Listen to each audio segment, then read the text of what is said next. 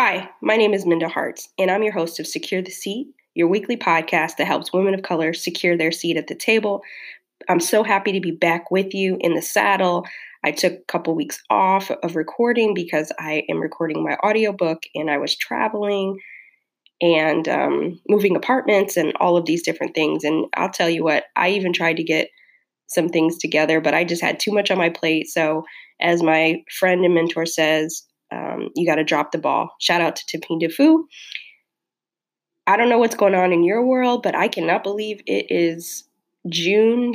Um, and this month has just been passing us by. And also, this year is just flying by. So I hope you are well. I don't want to talk your ear off too much, but I did miss you. Uh, one of the cool things I did while I was away was be a part of um, a summit that was 150 Black women who were in the C suite. They met in this private setting, and I had the opportunity to moderate a panel. And I'm still riding that wave to see so many of us in a room holding so much position, talking about some of the things that we talk about, even at the highest levels. Some of them are still dealing with some of um, the inequalities. And it's really unfortunate. And that's why we have to keep having content like this on Secure the Seat. That's why you have to go out and buy my upcoming book. We need to signal to these folks that black and brown careers matter and and black and brown coins matter. And in today's episode, we're actually going to talk about negotiation strategies because the wage gap shows that women of color on the the end of the scale. We don't make what our counterparts make. And so I want to make sure that you're equipped to go out there and make those asks, even if you are searching for a new job or you're currently sitting in a role, excuse me, that you've been in for a while.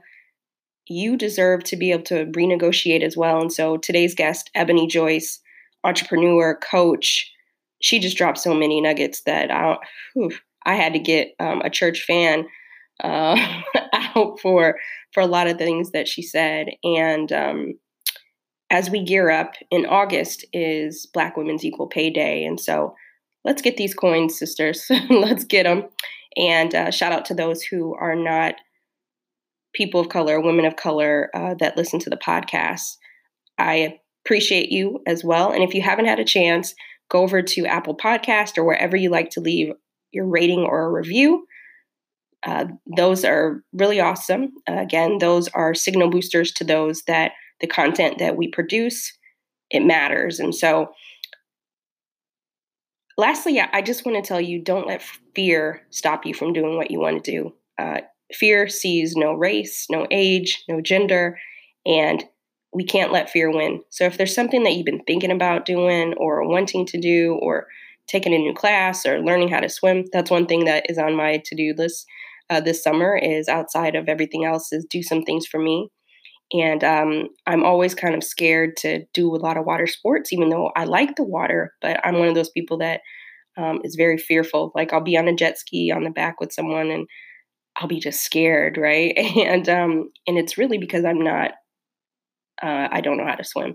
I did take a swim lesson well i don't know if you'd call it that but i took a swim lesson uh, when i was a teenager but i took my middle brother um, to learn how to swim at the Y. And I was just there kind of as the chaperone. I get in the water, but I didn't really, I was just more so there just to kind of be there, right? But I didn't really learn how to swim. Now, uh, this is something that I would like in my toolkit because I want to live my best life on the boat or on the on the water skis, doing those things and not being fearful. And so maybe it's something career wise that you want uh, make that time to do it. Let your curiosity be larger than your fear. And so let's get into today's episode. I know you're going to love it. Here we go.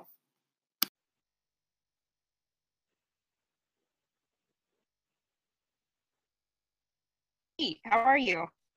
I'm good. Thank you for having me. How are you? Great. I'm so excited to deep dive into this conversation. Are you ready? I'm all set. Great.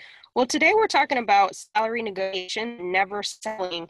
And my first question to you is why should we as women of color negotiate our salaries and not just take what's given to us?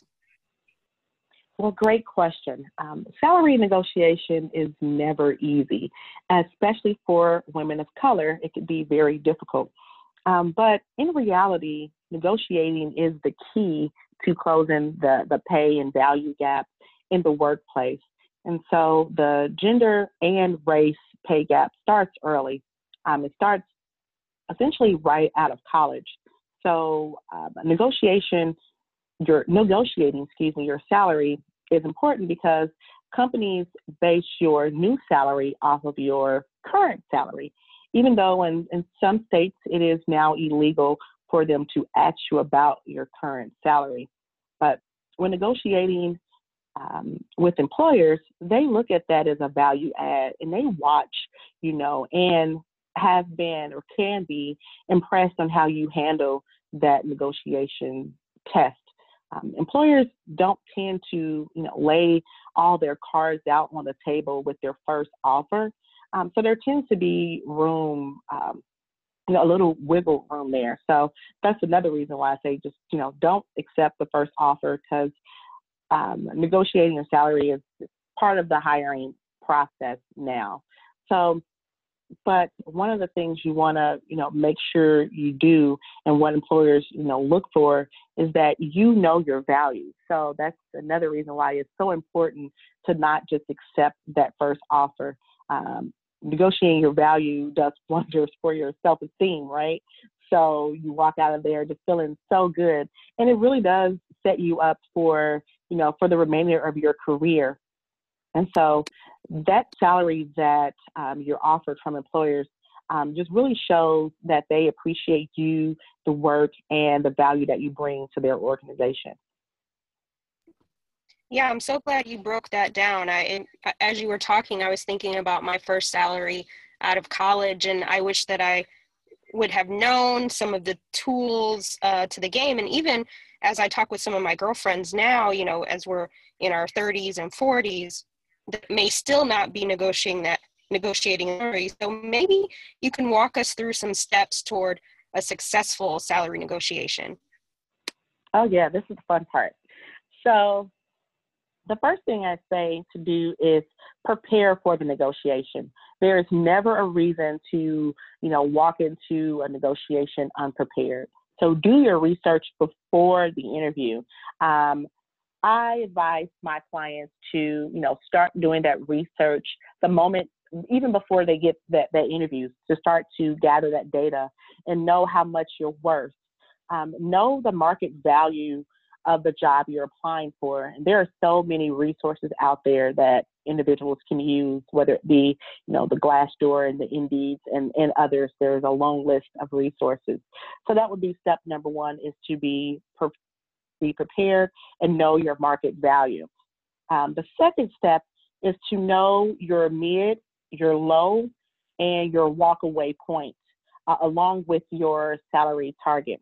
So, in, in preparation to do so, what I tell people to do is talk to other individuals in the field, people in your profession. Um, there are, for most organizations, there is a professional organization uh, or a network and so I advise people to speak with individuals in the market, but not just those individuals um, doing the job, but also to recruiters and other HR professionals as well. Um, if you know someone within the organization, ask them about the pay, pay structure also. Um, and then just another note there, you know, again, we are aware of, you know, pay gaps. So speak with people when you're doing your research as far as the, that target um, people of different genders, of different um, ethnic backgrounds. Um, you tend to uncover that there may be about a 20 to 30 percent um, salary difference based on gender and race. And what I advise is to get that research and that market value from about six to 10 people when asking for that range. So that way you have a very broad um, overview of what that range should look like. You know, so just asking, you know, all women of color, you know, doesn't do you any justice, right? We want to know, you know, because you're getting the range from these individuals, you know, what, you know, that um, counterpart of yours may be making in that industry. Yeah, that's really great advice. I think that you're right. We just can't ask our girlfriends what they're making. Uh, you definitely have to create a network around that. And so I love that you said ask, you know, more than, what did you say, six to eight people? Yeah, six to 10 people um, for that range. And then the last thing that I would do in, in that step, the final thing would be your strategy and your practice. So most people, what we do is we we practice for the interview, right? We go, we write out our questions, we, we do all the research there, but then we get very passive in the negotiation aspects of it. Um, and that is just as equally important as the interview. So I advise to find a, a trusted friend or a mentor who you could role play that conversation with. Um, I'll just give an example.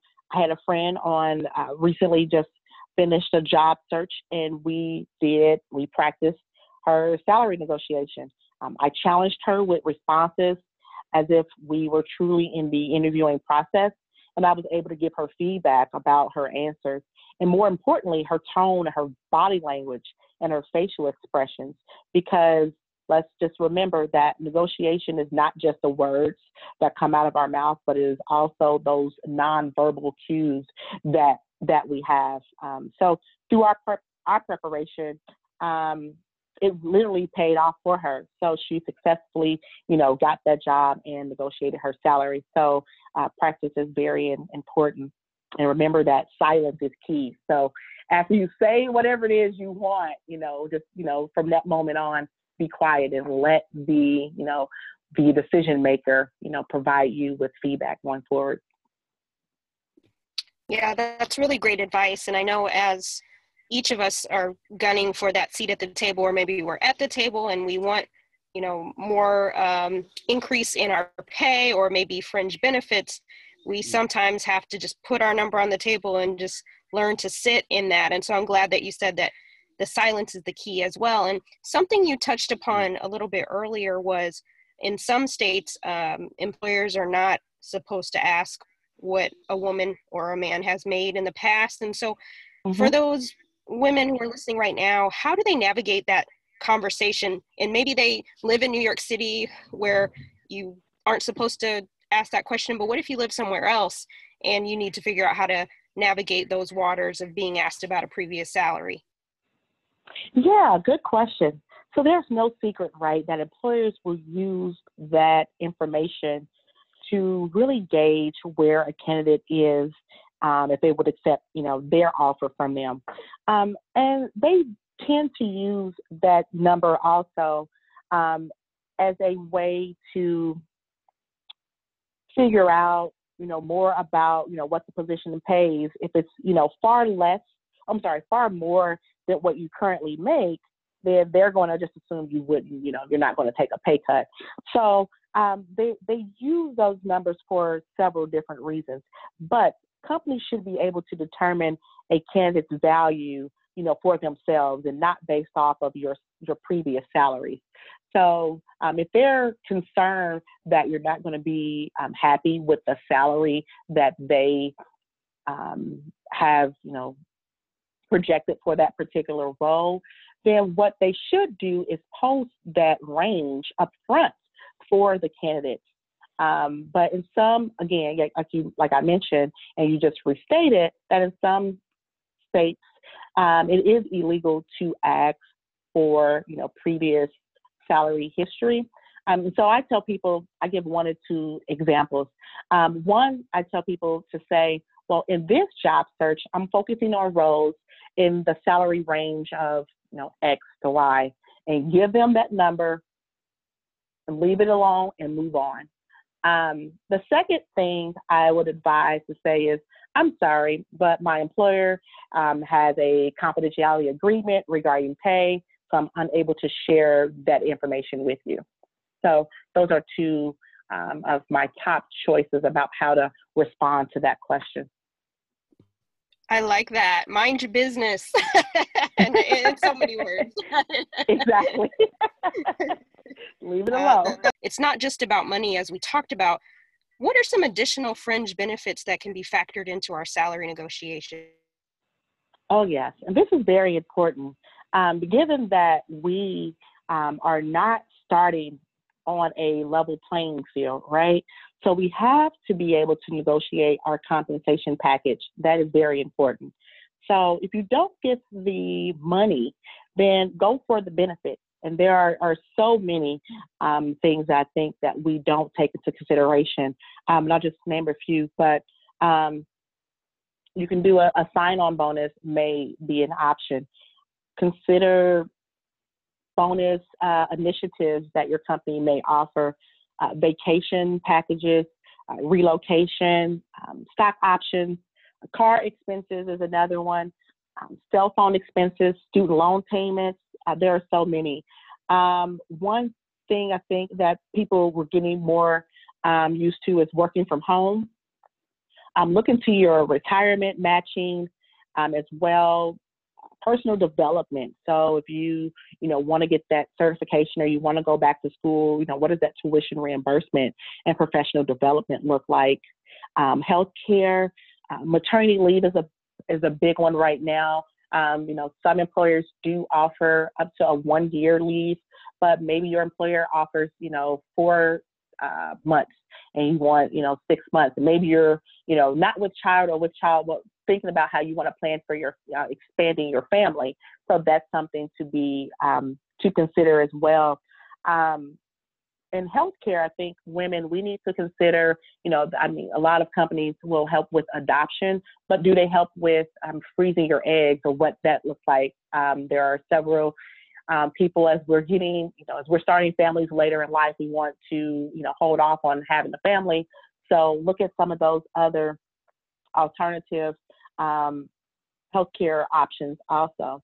Um, the one thing that we want to make sure that we do is once you get that offer, make sure that you ask the company for the benefit package prior to, you know, again, goes back to being prepared before you, you know, make your ask.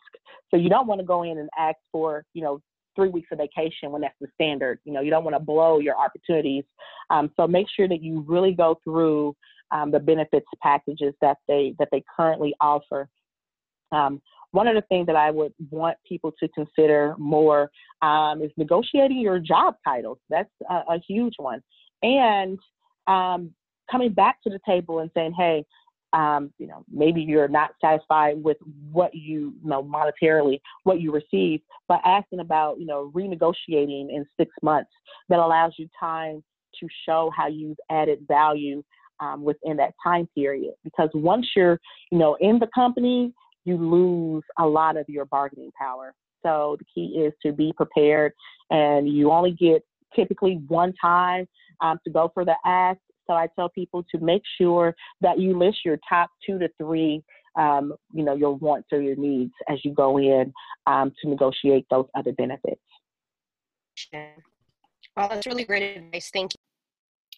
Something that you said made me think about what about the women who are currently in their roles who may have missed that window to make the ask when they first got hired?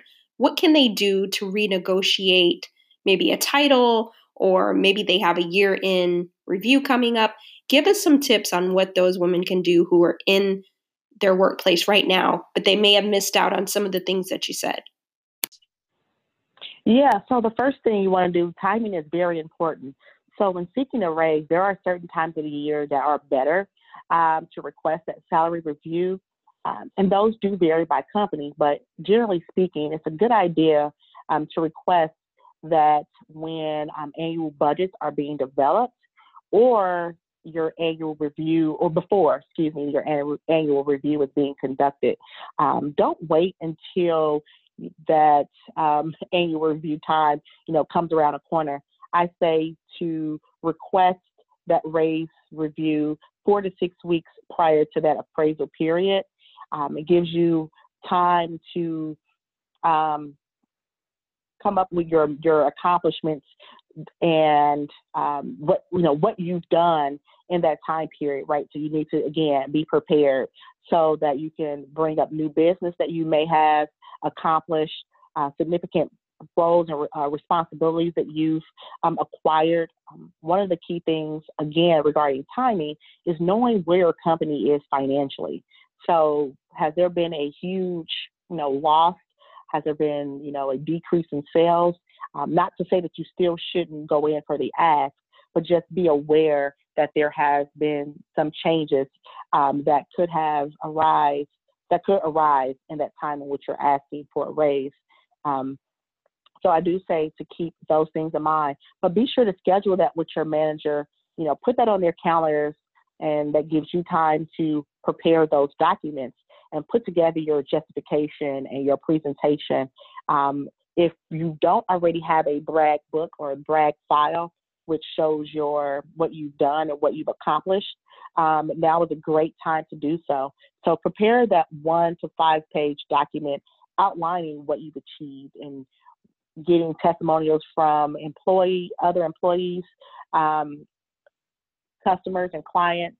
You know, make sure you do your homework and showing, um, you know, what does the market value show for this position.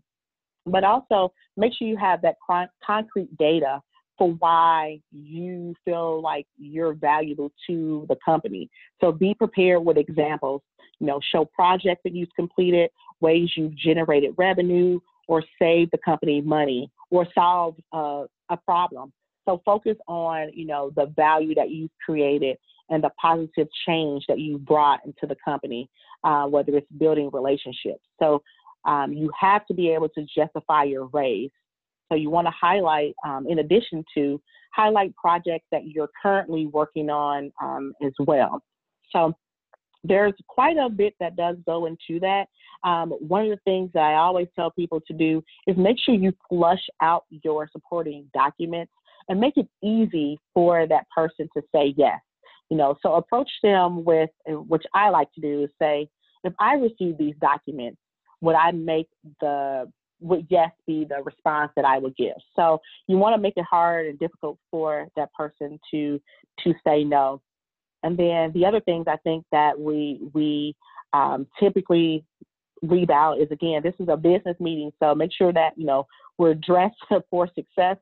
Um, you know that when you're meeting with you know your manager, and again schedule this topic. If no is the answer, um, you know, schedule again another renegotiation period within six months, again, to show your value.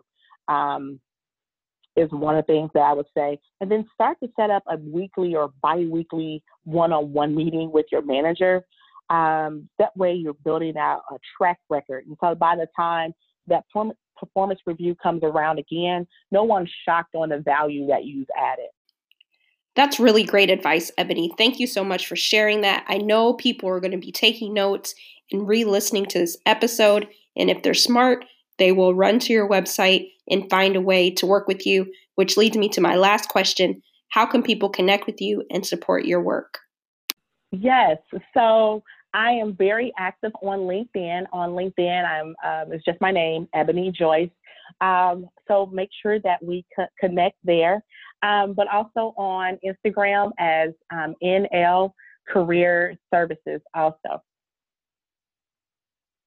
We'll make sure that everything is on the show notes page at mindaharts.com so that they can hire you, support you, and, and run to your website so that they can get help with their next career needs. And I can't let you go without my bonus questions. And I am a lover of grits and rap lyrics. What is your favorite rap lyric and why? Okay, I would typically uh, quote a lyric from uh, the great Tupac or uh, but um, today I'm going to go with something um, Drake related. So um, there's a song that Drake has. It's called "From Time," and I like in the um, in the first verse he says something like, um, "I look around the peers that surround me, these Negroes tripping. Um, I like when money makes you different, but don't make you different. I'm starting to realize a couple places I could take it. I want to get back to when I was a kid in the basement.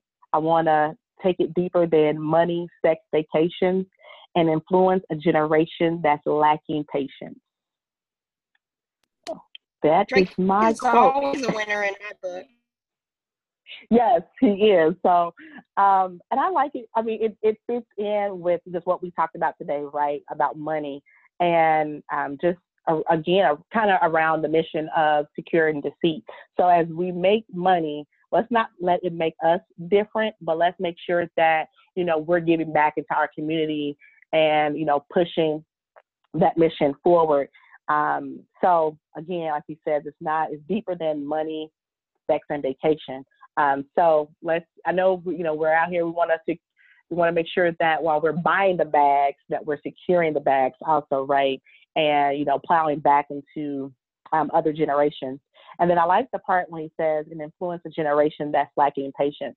Um, success, while it may look like it's something um, that you know is acquired overnight, you know, you know, and everyone wants the you know the six and seven figure salaries um, it takes a, it, it takes some time to get there. So, you know, let's make sure that we're doing the work and we're adding the value so that when we go in for the ask, there is no way or reason why we should hear a no because we have the receipts. So. Amen. Amen. That's a great, great lyric that goes really um, perfect with today's conversation. So great choice. And I can't let you leave without um, our last question. And the podcast is called Secure the Seat. What does secure the seat mean to you? Yes. So security seat to me means making sure that um, I am or that we are so great in our role that we're not just replacing seats, that we're adding seats. Um, and putting yourself in a position to bring um, another chair, you know, for someone else. Um, I've been in corporate America and I've been in the room where I was the only one. And when I left that position, I left that seat open.